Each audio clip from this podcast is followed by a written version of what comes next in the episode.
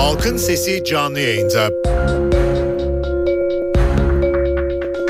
Çalışan her iki kişiden biri asgari ücretli. Durum Maliye Bakanlığı'na göre şüpheli. Asgari ücretlilerin kayıtları incelemedi. Durum çalışanlar açısından nasıl bir risk taşıyor? Hangi hakları kayba uğruyor? Halkın Sesi'nde bugün bu sorulara yanıt aranıyor. Görüşleriniz ve sorularınız için NTV Radyo Halkın Sesi telefon numarası 0212 335 4720. Elektronik posta adresimiz ise halkinsesi@ntv.com.tr.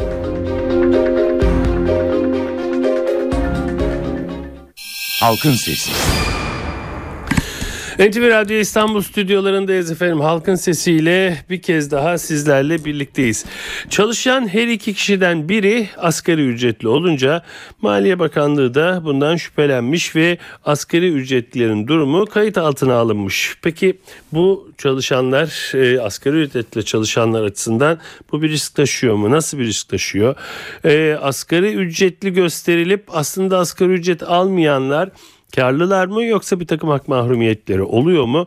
Bugün halkın sesinde bunu konuşacağız. Yani gerçek asgari ücretli olmayan asgari ücretlileri konuşacağız. İyi bir cümleydi doğrusu bu. Evet ve ilk olarak da Gazi Üniversitesi öğretim üyesi Profesör Doktor Cem Kılıç bizimle birlikte olacak. Hocam iyi günler. İyi günler Sedat Bey. Ee, çok teşekkür ediyorum bir kez daha bizimle birlikte olduğunuz için. Sağ olun. Sağ olun. Ee, hocam ne diyorsunuz? Bu e, sanıyorum oldukça yaygın bir durum ki e, biz de bu konuya el atmış olsak gerek. Editör arkadaşlar bunu hiçbir zaman kaçırmazlar. E, sanıyorum evet. bu çok göze batacak bir hale geldi. Öyle midir gerçekten? Ee, gerçekten öyle. Ee, sizin söylediğiniz yani asgari ücretlerin sayısı ki Maliye Bakanı da bunu açıkladı. Toplam sigortaların yaklaşık %47'sine işaret etti. Hmm. Bu civarda insan e, asgari ücret üzerinden gösteriliyor. E, bu doğru bir rakam. E, SGK kayıtlarında da bu şekilde görülüyor. Tabii burada şunu ifade etmek lazım Sedat Bey. Hı hı. Sadece asgari ücret üzerinden çalışanlar değil. Yani bizim kayıt içinde kayıt dışılık dediğimiz bir olay var. Yani kişi belki iş yerinde asgari ücretin iki ya da üç misli e, ücret geliri elde ediyor ama sadece asgari ücret kadar olan banka üzerinden kendisine ödeniyor ve geri kalanı e, elden veriliyor ücreti. Hı hı. Bu çok yaygın bir uygulama. Yani e, inanır mısınız çok büyük firmalarda bile ben şahit oluyorum buna. Bu tip uygulamayı yapan e, kurumlar var, firmalar var. E, bu e, bir anlamda e, aslında sosyal güvenlik sisteminin gelir gider dengesini bozucu yönde tahrip edici ve devletten vergi kaçırmayı ortaya koyan bir sistem. Aslında buna ilişkin e, biz bunu yaklaşık 6-7 ay önce ben duyurmuştum. SGK'nın daha önce bir çalışması var ve 2013 Ocağı'ndan itibaren bu yürürlüğe giriyor. Ee, özellikle kayıt içinde kayıt dışını önlemeye yönelik olarak meslek e, kodlaması sistemi geliyor. Yani e, artık sadece denetimlerle bunları tespit yerine e, ilk olarak bu eczacılar ve öğretmenler açısından başladı. E, belirli meslek grupları için belirli ücret araştırmaları yapıyor SGK şu anda. Ve 2013 Ocağı'ndan itibaren diyecek ki bir hemşirenin ya da bir özel dershanedeki öğretmenin ücreti şu rakamın altında olamaz. Eğer bunun altında görüyorsam burada bir sahtekarlık var, burada bir e, devleti dolandırma var. Dolayısıyla ben bu e, ücret üzerinden sizin priminizi istiyorum ve sizin için idari işlem başlatıyorum diyecek. Hmm. E, bu oldukça önemli. Biz buna meslek kodlama sistemi diyoruz. SGK bunu bu yıl başında e, yürürlüğe koyuyor. Dolayısıyla yani maliyeden önce, Maliye Bakanlığı'ndan önce SGK buna bir son verecek aslında Sedat Bey. Hı hı. Ee, peki bunun e, ortaya çıkması e, yani asgari ücret e, almayan kişilerin güzel bir söz evet. kayıt içinde kayıt dışı olmak e, sizce evet. neden kaynaklanıyor? Yani bu gerçekten insanların e, çok belirgin bir şekilde e, vergi kaçırması mıdır yoksa e, vergilerin yüksek oluşu mudur? Her iki açıdan da baktığınızda nasıl yorumlarsınız efendim? Efendim e, Evet vergiler yani biz bunlara istihdam vergileri diyoruz. Yani sigorta primleri hı hı hı. aslı olarak söz konusu. %31,5 ile %36,5 arasında değişiyor bu. Ee, şimdi bir işveren için e, hakikaten istihdam yaratmak oldukça zor. Zor olduğu kadarıyla e, devlete bunun sigorta primini ve gelir vergisini yatırmak daha da zor. Türkiye şöyle bir liste var. Aslında daha kötü durumdaydık. Bir parça aşağı indik 2008 krizinden sonra. Türkiye OECD ülkeleri içerisinde istihdam yükü yani işverenin istihdam yükü açısından e, en yüksek ilk 3 ülke içerisinde yer alıyor. Daha önce birinciydik. İlk 3'e girdik. E, şimdi 3. sıradayız ya, yanılmıyorsam. Dolayısıyla e, istihdam yaratmak hem zor hem de bunların vergilerini ödemek zor. Bugün e, bir e, asgari ücret, brüt ücret 16 yaşından büyükler için 940,50 kuruş iken işçinin eline geçen sadece 673,30 kuruş. Hmm. Aradakilerin tamamı e, bu tip kesintilere gidiyor. E, mesela sigorta primi işçi payı 131 lira 67 kuruş bu işveren tarafından veriliyor. İşsizlik sigortası primi işçi payı var 9,41 bunu da uygulamada hep çünkü işverenler veriyor. Çünkü çalıştırdıkları kişilerle net ücret üzerinden anlaşıyorlar. E, gelir vergisi matrağı burada dolayısıyla 799 liraya iniyor ve bundan da bir gelir vergisi 120 lira kesiliyor. Hmm. Yani e, şöyle kabaca bir hesap yapacak olursak e, yaklaşık 300 e, kesintiler toplamı 267 liraya yakın bir kesinti var. Yani 940 lira e, 50 kuruş iken asgari ücret kişinin eline geçen 673,30. Bu kesintilerin tamamı da işverenden çıkıyor. E, dolayısıyla işveren de e, bundan kaçınmak istiyor doğal olarak. E, olay bu. Yani istihdam vergilerinin ülkemiz açısından yüksek olması. Ben bunlara istihdam vergileri diyorum aslında. Hı hı, yani hı bunun içerisinde sigorta primleri de dahil. E, dolayısıyla bu oranların yüksek olması kişilerin e, tabii ki bu vergi primleri ödemesinden kaçınmalarına neden oluyor. Evet.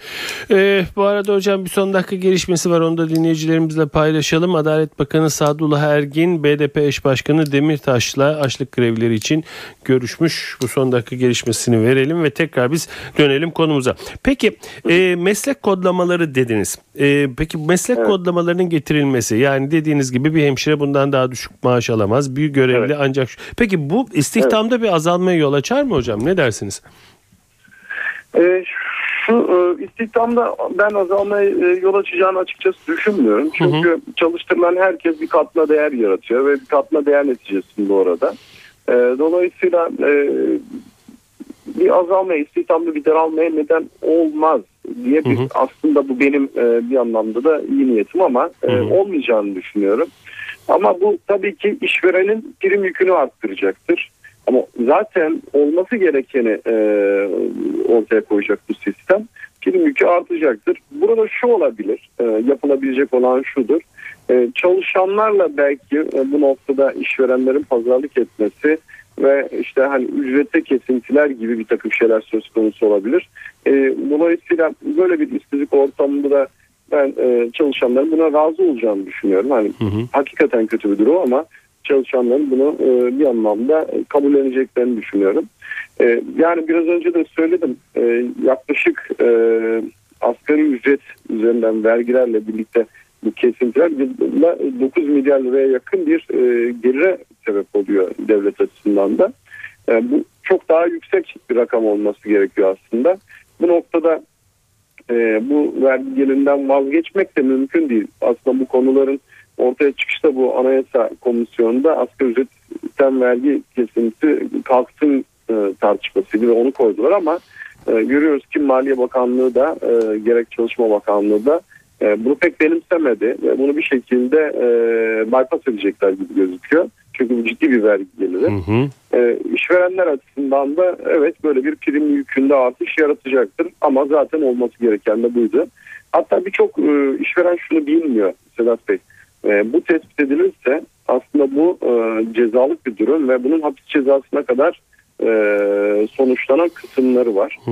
E, benim çok yakınımda olanlar, e, ailemde olanlar, benim sosyal güvenlik uzmanı olduğumu bilen işverenler bile bunu yapabiliyorlar. E, hakikaten üzücü bir durum. Bunun ortadan kaldırılması gerekiyor. Peki hocam e, bütün herkesin e, normal aldığı maaşta gösterilmesi gibi bir sisteme geçildiğinde primlerin çok mu indirilmesi gerekir? Yani e, şu anda mesela ödediğinin ne bileyim %10'u %20'sinin daha fazlasını ödeyecek bir işveren düşünüyorum ama herkesin de maaşının neyse primini o şekilde gösterip ödeyecek. Bunun için bir sistem oturtulması, biraz primlerin düşürtülmesi böyle bir şey söz konusu olabilir mi veya bu daha mı adaletli Olabilir. olur? Ne dersiniz? Ee, Aslında ben başından beri bunu e, söylüyorum. Yani ve son 2008 krizinden sonra önemli düzenlemeler de yapıldı. Hı hı. Ee, mesela bunlar çok daha yüksekti. Ee, ve özellikle kadınlar, e, gençler açısından prim indirimi oldu. Devletin, hazinenin katkısı oldu.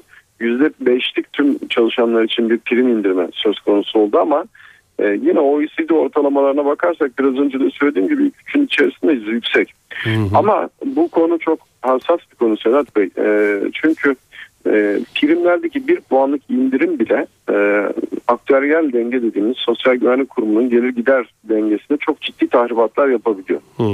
Yani bir puanlık prim indiriminin yaklaşık 300-400 milyon liraya yakın e, kurumun gelir gider tablosunda değişikliğe yol açtığı söyleniyor. Hı. Dolayısıyla hani primler üzerinde de e, bir çalışma yapılacaksa e, çok dikkatli yapılması, çok ekonometrik bir modelleme yapılması gerekir. Bir yandan da kurumun gelir gider dengesini düşünmemiz lazım. E, ama bu haliyle de çok yüksek, bu haliyle yüksek olunca işveren de kayıt dışılığa yöneliyor. Evet. Ha şu yapılabilir yani şu ekonomik ekonometrik çalışma yapılabilir. Daha fazla sayıda insanı sisteme dahil etmek daha düşük prim oranlarıyla Evet. acaba e, gelir gider dengesinde ne gibi bir etki yaratır? Yani bunu çalışmak gerekiyor. Evet bir, bir yanda da istihdamı da teşvik etmek. Neyse çok da e, şey Evet. değil ama e, sizin de e, bunu desteklemeniz belki olabilecek bir şey gibi gözüküyor. Peki hocam öte yandan da şöyle bir durum var. Asgari ücretli göz, gösteriliyor. İnsan bunun için bir iş sahibi oluyor. Buna da kabul bunu da kabul ediyor birçok insan tabii ister istemez bir işim olsun diye. Belki daha fazla Evet. alıyor. Çok da ne kadar vergi ödendiği benim umurumda değil diyor. Ama Evet. e, bir kayba uğruyor mu hak açısından? E, Çok büyük kayıplar söz konusu. Yani ben yakınımda olanlara da bunu söylüyorum. E, şimdi bizim için sosyal güvenlik önemli bir anayasal hak Sedat Bey. Hmm. E, sosyal güvenliği sadece emekli yaşı hesap etmek olarak algılamamamız lazım. Yani e, ben şimdi sosyal güvenlik uzmanı olarak çıkıyorum. Bana gelen soruların büyük bir kısmı bununla ilgili. Yani emekli ne zaman emekli olacağım? Emekli olmak tamam olunabilir ama e, emekli olduğunuzda e, iyi bir hayat seviyesi sürmeniz de çok önemli. Şimdi bu dönemde işim var nasılsa e, asgari ücretten gösterse de olur denilmesi son derece e, büyük bir hata. Çünkü asgari ücretten gösterildiğiniz zaman yeni gelen sistemle zaten aylık bağlama oranında düşürüldü. E, bu bağlamda ileride size bağlanacak olan emekli aylığı da asgari seviyeden olacaktır. Hı hı, Ee, anladım. yani doğrudan etkiler, çok ciddi etkiler, ee, çok olumsuz olarak etkiler. Asgari seviyeden prim esas kazanç yatırılıyorsa gelecekte alacağınız emekli aylığı da en düşük emekli aylığı olacaktır. Dolayısıyla hani ben herkesi e, uyarmak istiyorum. Eğer böyle bir durum var ise e, bunu bir şekilde şikayet mekanizmasına dönüştürmeleri gerekiyor. E, bunun için de bakanlığın Alo 170 hattı var. Hı. Farklı isimlerle bile olsa yani kendilerini de şifre etmek istemeyebilir tabii ki çalışanlar. Farklı isimlerle bile olsa şikayette bulunmalarını ben e, şiddetle tavsiye ederim. Peki. Hocam e, dinleyicilerimizden de epey bir e, telefon geliyor. Eğer e, vaktiniz varsa ve bizi hoş görürseniz bir iki dinleyici görüşü alalım. En azından o Tabii. sorularda sizin görüşünüze başvuralım. Peki Tabii, çok teşekkür tabii. ediyorum hocam. Evet ilk dinleyicimiz hatta bizi bekliyor. Alo. İyi günler efendim. İyi günler buyurun. Halkın sesiyle ilgili olarak görüşmek istiyordum ben. de. Görüşüyoruz efendim. Kiminle görüşüyoruz? Ee, Bursa'dan Erhan. Buyurun Eren Bey siz dinliyoruz. Şimdi iki tane konu var benim bahsedeceğim. Hı. Bir tanesi mahkemelerin, iş mahkemelerinin çok uzaması vesilesiyle bir sürü dosyanın zaman aşımına uğraması. Onu belirtmek istiyorum. Hı hı. İkincisi de Maliye Bakanlığı'na ba- müracaat ettiğimde aylar sonra bana şey geliyor. Müfettiş geliyor diyor ki Sosyal Güvenlik Kurumu'na da şikayet etmeniz lazım gerekir diyor. Niye bu gerekiyor ki? Yani Hı. Maliye Bakanlığı'na gereken dosyaları, evrakları her türlü delili vermişim. Sosyal Güvenlik Kurumu niye buradan faydalanamıyor veya işlem yürütmüyor? Ben 170 telefon numarasına başvurduğum zaman Hı hı. bana diyorlar ki biz bu Maliye Bakanı'nın Gelir İdaresi Başkanlığı'na ait dosya numarasını veriyorum. Ben ihbar ediyorum bu dosyalarda burada deliller olarak bulunuyor diyorum. Şey Sosyal Güvenlik Kurumu diyor ki ben diyor bu şekilde diyor şikayet kabul etmiyorum diyor. İhbar kabul etmiyorum diyor. Ben anlayamıyorum. Peki. Vatandaş Peki çok olarak- teşekkür ediyorum Eren Bey. Alo. İyi akşamlar. İyi akşamlar buyurun. Bursa'dan arıyorum ben de. İsminiz nedir efendim? Yusuf Albayrak. Yusuf Bey buyurun. Ya biz e, asgari ücretten e, tır şoförüyüm de Hı. asgari ücretten maaşımız gözüküyor artı prim. Hı hı. Ama bizim sigortalarımız asgari ücretten gösteriyor. Bunu ben 170 nolu hatta bildirdiğim halde Hı hı. iki kere onlara bildirdim hı. ve de geri dönüş yapmadılar. İkincisinde dedim ki siz bunu niye dedim neticelendirmedi. E siz kendiniz gideceksiniz bakacaksınız Çalışma Bakanlığı'na kendiniz soracaksınız dedi. Yani bir sonuç alamadım. Artı biz bunu söylediğimiz zaman da bütün işçilerin korkusu işten çıkarılma korkusu. Kimse Anladım. gidip şikayet edemiyor yani. Doğru. Peki teşekkür ediyorum Yusuf Bey. Alo. Alo Buyurun efendim. Sedat Bey iyi akşamlar. İyi akşamlar buyurun. İstanbul'dan Mehmet ben. Buyurun Mehmet Bey. Vergi adaletiyle ilgili ben de bir 15 senelik çalışan olarak Hı hı. eee, çalıştığımın %40'ını devlete veriyorum. Hı hı. Kullandığım arabanın benzininin %200 %200'üne varan eee, tutardaki bir miktarı yine devlete veriyorum. Hı hı. Oturduğum evin bilmem ne kadarını yine devlete vergi olarak veriyorum. Hı hı. Ben de kendi kendime soruyorum. Hı hı. trilyonlarca lira para kazanan iş adamların çalıştıklarının benim kadar ki düşen payını bu devlete veriyor mu? Ve bunu almayan devlet bunlara neler yapıyor bununla ilgili? Peki. Bir, bir benim, Pardon. benim, benim içinde büyük bir yara olan bir şey daha var. Hı hı. Benim verdiğim bu paralarla işte Maliye Bakanı'nın e, makam aracı son model bilmem ne oluyor. Sayın Cumhurbaşkanımızın makam aracı bilmem ne oluyor. Dünyada gezmedik ülke bırakmıyorlar. Biz de açlıktan sürünüyoruz burada. Yani inanamıyorum bu düzene ben. Peki Mehmet Bey. Hocam e, e, ne diyorsunuz? Evet, Erhan- evet. Yani 170 e, nolu hatta epey bir şikayetler var ama galiba sonuç alınamamış. E, açıkçası hani e, 170, Alo 170 hattını ben e, Karaman'da kurdular ilk olarak. Şimdi de Urfa'da kuruyorlar. Hı hı. E, ben gittim e, Karaman'daki sistemi de gördüm. Aslında özel bir e, hepimizin bildiği bir operatörle birlikte çalışıyor Hı sistem. hı. Ve o sistem anında e, Çalışma Bakanlığı'nın teftiş kuruluna e, bu şikayetleri iletiyor. E, ama e, tabii ki izleyicimiz doğru söylüyordur. Bir netice alamamış. E, ben de aslında bundan son derece e, mutsuz oldum şu anda. E, eğer bu yol, e, bu yöntem yani bana çünkü söylenen bu yöntemin çok işlediği ve istatistiklerle her şeyi gösterdiler. E, işte Hmm. günde e, 3000'e yakın şikayet var. Bunun işte 2800'üne geri dönülüyor vesaire gibi ama e, eğer bu yol işlememişse izleyicimiz açısından şunu kendisine tavsiye ederim. Ankara'da Çalışma Bakanlığı'nın e, İş Teftiş Kurul Başkanlığı var. Oraya e, dilekçeyle başvurabilir. Ya Zaten da, öyle e, demişler. Siz gideceksiniz Çalışma Bakanlığı'na şikayet edeceksiniz demiş. Gitmesine gerek yok. Postayla da gönderebilir. Hı Ee, bu yeterli olacaktır. Ama tabii bir başka izleyicimiz söyledi. Buradaki en büyük korku İşten e, çıkıyor. işvereni şikayet edersek işveren benim işime son verir. Hakikaten çok yaşanan bir durum. Ee, bunun için biraz önce de söyledim belki e, çok doğru değildi ama e, farklı isimlerle de başvurulabilir. Ben konuştuğum teftiş heyetindeki müfettişler bu isimlerle de iş, e, işletme hedef gösterilirse biz oraya e, denetime geliyoruz diyorlar. Tabii ki e, bakanlığın denetim fonksiyonu çok yeterli değil. E, ben size bir rakam vereyim. E, iş teftiş heyetinde ve sigorta kısmına SGK teftişine bakarsak toplam 1500'e yakın e, personel var denetimle görevli ama Türkiye'de 1 milyon 500 e, bin iş yeri var. Dolayısıyla bu rakamdaki bir teftiş heyetinin fonksiyonel olarak yetersiz olacağı açık. E, ancak geçen ay yapılan bir düzenlemeyle bir başka arkadaşımız da Maliye Bakanlığı ile ilgili kısmını sormuştu ya da bir serzenişte bulunmuştu. Onu da şöyle açıklayayım. Geçen ay e, SGK'nın yaptığı bir protokolle artık Maliye Bakanlığı'nın teftiş heyeti ki bunlar çok daha fazla sayıdalar 4-5 katı civarında. Onlar da artık sigorta teftişi yapabilecekler. Hmm. Yani gittikleri zaman sadece vergi levhası işte KDV değil aynı zamanda e, kaç kişi çalışıyor bu kişiler kaç lira üzerinden gösteriliyor. E, bunun denetimini de yapabilecekler. Yani Maliye Bakanlığı ve Çalışma Bakanlığı bir anlamda teftiş e, denetim esasında bir ortak hareket etme kararı aldı geçtiğimiz ay. Bunu da uygulamaya koyacaklar ya da koydular çok emin değilim. Hmm.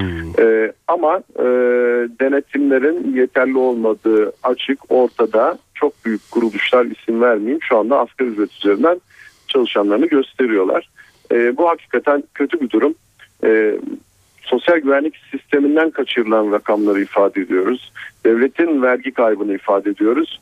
Buna ilişkin tabii bir e, matematiksel istatistik bir çalışma yok ama e, rakamın çok büyük olduğunu tahmin edebiliyorum.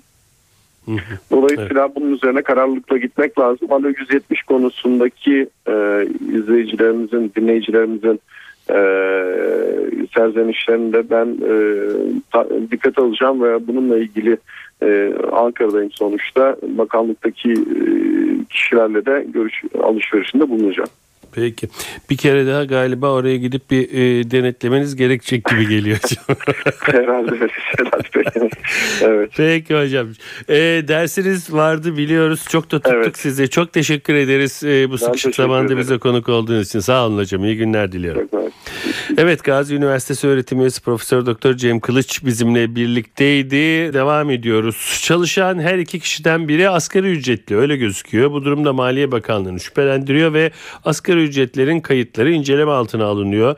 Bu durumda nasıl çalışanlar açısından nasıl bir risk oluşturuyor? Oluşturuyor mu? Oluşturmuyor mu? Ee, asgari ücretten gösterilen e, çalışanlar veya asgari ücretten prim ödenenler aslında bir sosyal e, olarak bir hak mahrumiyeti içinde oluyorlar mı? Halkın sesinde bugün bunu konuşuyoruz ve sosyal güvenlik uzmanı Sayın Özgür Kaya ile birlikteyiz. Sayın Kaya iyi günler efendim. İyi akşamlar efendim. İyi akşamlar. Çok teşekkür ediyorum efendim bize vakit ayırdığınız için öncelikle. Efendim ne diyorsunuz? Bu durum e, sizin de en azından bir sosyal güvenlik uzmanı olarak dikkatinizi çeken bir durum mudur? Doğrudur. Ee, Türkiye'de şu an çalışanların yaklaşık %48 ya da %50 seviyelerinde olanlarının e, sigorta primleri, prime esas kazançları gerçek ücret üzerinden Sosyal Güvenlik Kurumu'na bildirme, e, bildirge edilmediklerini görüyoruz. Hmm. Bu da tabii ki e, kayıt içinde kayıt dışılık e, anlamına geliyor. E, sosyal güvenlik e, sistemi açısından bunun çalışanlara e, ne tür bir e, zararı ya da kaybı oluyor? E, gerçekten e, çalışma hayatında bugün emekliler e, ya da e, kişi ileriki yıllarda emekli olduğunda e, alacağı maaş da o anlamda düşecek ya da düşük olacak demektir. Bugün emekliler e, düşük maaştan e, dert yanmalarının en büyük nedenlerinden bir tanesi de geçtiği yıllar itibariyle, çalıştığı süreler itibariyle e, primleri gerçek ücret üzerinden Sosyal Güvenlik Kurumu'na bildirge edilmemesinden kaynaklanmakta. Hı hı. E, bunun tabii e, sadece emeklilik olarak ya da emekli maaşlarının düşük olması olarak değil, çalışma hayatı içerisindeyken dahi e, etkilerini görmek mümkün. Örneğin bir çalışan iş kazası geçirdiğinde e, alacağı sürekli iş görememezlik geliri ya da geçici iş görememezlik geliri de o oranda düşük olacak.